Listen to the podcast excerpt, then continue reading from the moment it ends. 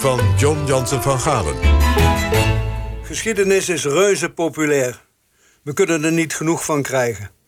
Alleen ben ik bang dat we altijd hetzelfde willen horen. Kom vanavond met verhalen hoe de oorlog is verdwenen en vertel ze duizend malen. Jawel, maar het zijn steeds dezelfde verhalen. Anne Frank, de bezetting, het slavernijverleden van Heuts. Ja, we moeten die verhalen kennen, maar willen blijkbaar niet horen dat er ook andere kanten aan die verhalen zijn.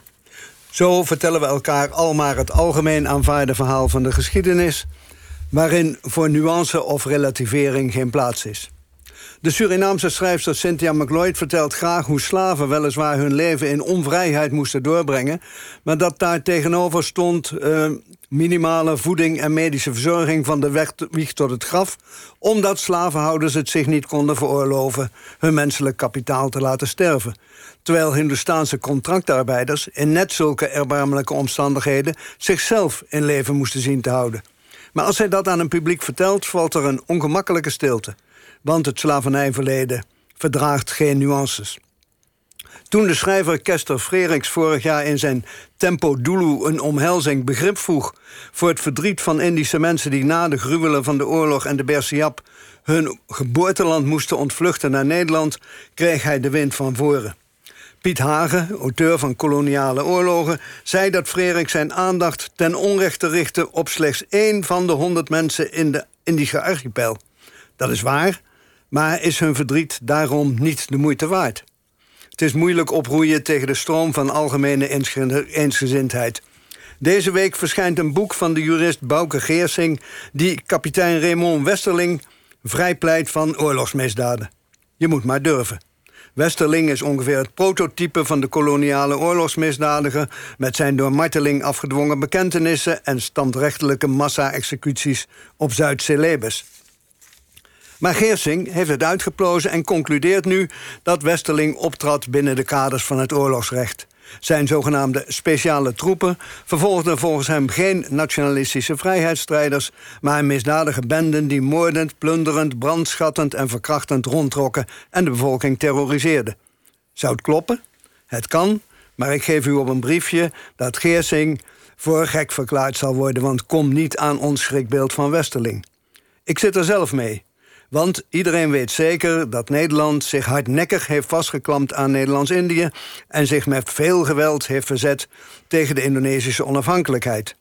In werkelijkheid, ontdekte ik grasduinend in de archieven, wilde Nederland van zijn kolonie een onafhankelijk land maken in een blijvend verband met Nederland en Unie als twee gelijkwaardige soevereine staten.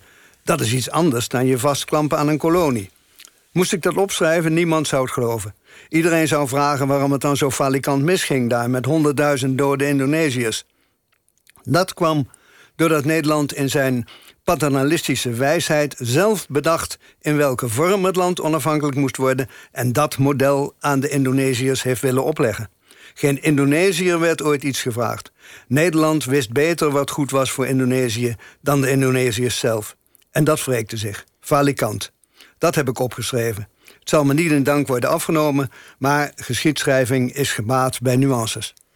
Ja, John, dankjewel. Niemand zal het oneens zijn met je laatste zin. Maar je zou wel kunnen zeggen... er is eigenlijk pas net een echte brede maatschappelijke discussie gestart... over ons koloniale verleden. Tenminste, toen ik op school zat, was die er gewoon niet. Um, en, en ook de koloniale schuld. Is het dan nu al de tijd om naar bijvoorbeeld ook wat je zegt... de juridische nuance te kijken? Het is altijd tijd voor nuances. Kijk, vroeger toen ik opgroeide, ik ben veel ouder dan jij... was het nog, eh, er wordt daar iets groots verricht. En nu is het beeld geheel de brandende kampongs van generaal Spoor. Zoals het boek van Remy Limpach heette. Maar de werkelijkheid ligt natuurlijk daar ergens tussenin. Maar John, kun je je voorstellen, want ik zit er ook een beetje mee. Ik ben een beetje, ook, ik zit dicht in de buurt van jouw generatie. Maar ik kan me voorstellen, als je dus tot de groepen behoort... die door Nederland zijn veroverd, et cetera dat het dan toch steeds roepen om nuances ergens het gevoel oplevert van... oh, daar heb je weer dezelfde geborneerde blanke arrogantie zoals je Ze willen het goed praten. De historicus. Nee, ze willen het niet goed praten. Zij willen de regie houden. Ja. En uh, over de geschiedenis. Ik, ik vind het toch een lastig iets, hoe we daarmee om moeten gaan. De geschiedenis is het, het, eigendom van iedereen. En ja, maar daar kun je kunnen zij hun geschiedenis tegenover ja, maar kun je je voorstellen dat, dat, dat, dat het overkomt als van weer ontkenning, weer Oh, of ik me dat kan weer, voorstellen. Weer dat de, de, de, witte man uitmaakt hoe de geschiedenis eruit ziet. Dat kan ik me zeker voorstellen. Dus je begeeft je in een risicozone, dat bedoel ik. Dat zei ik al, het is moeilijk oproeien ja. tegen de stroom. Ja. Goed, dankjewel, John.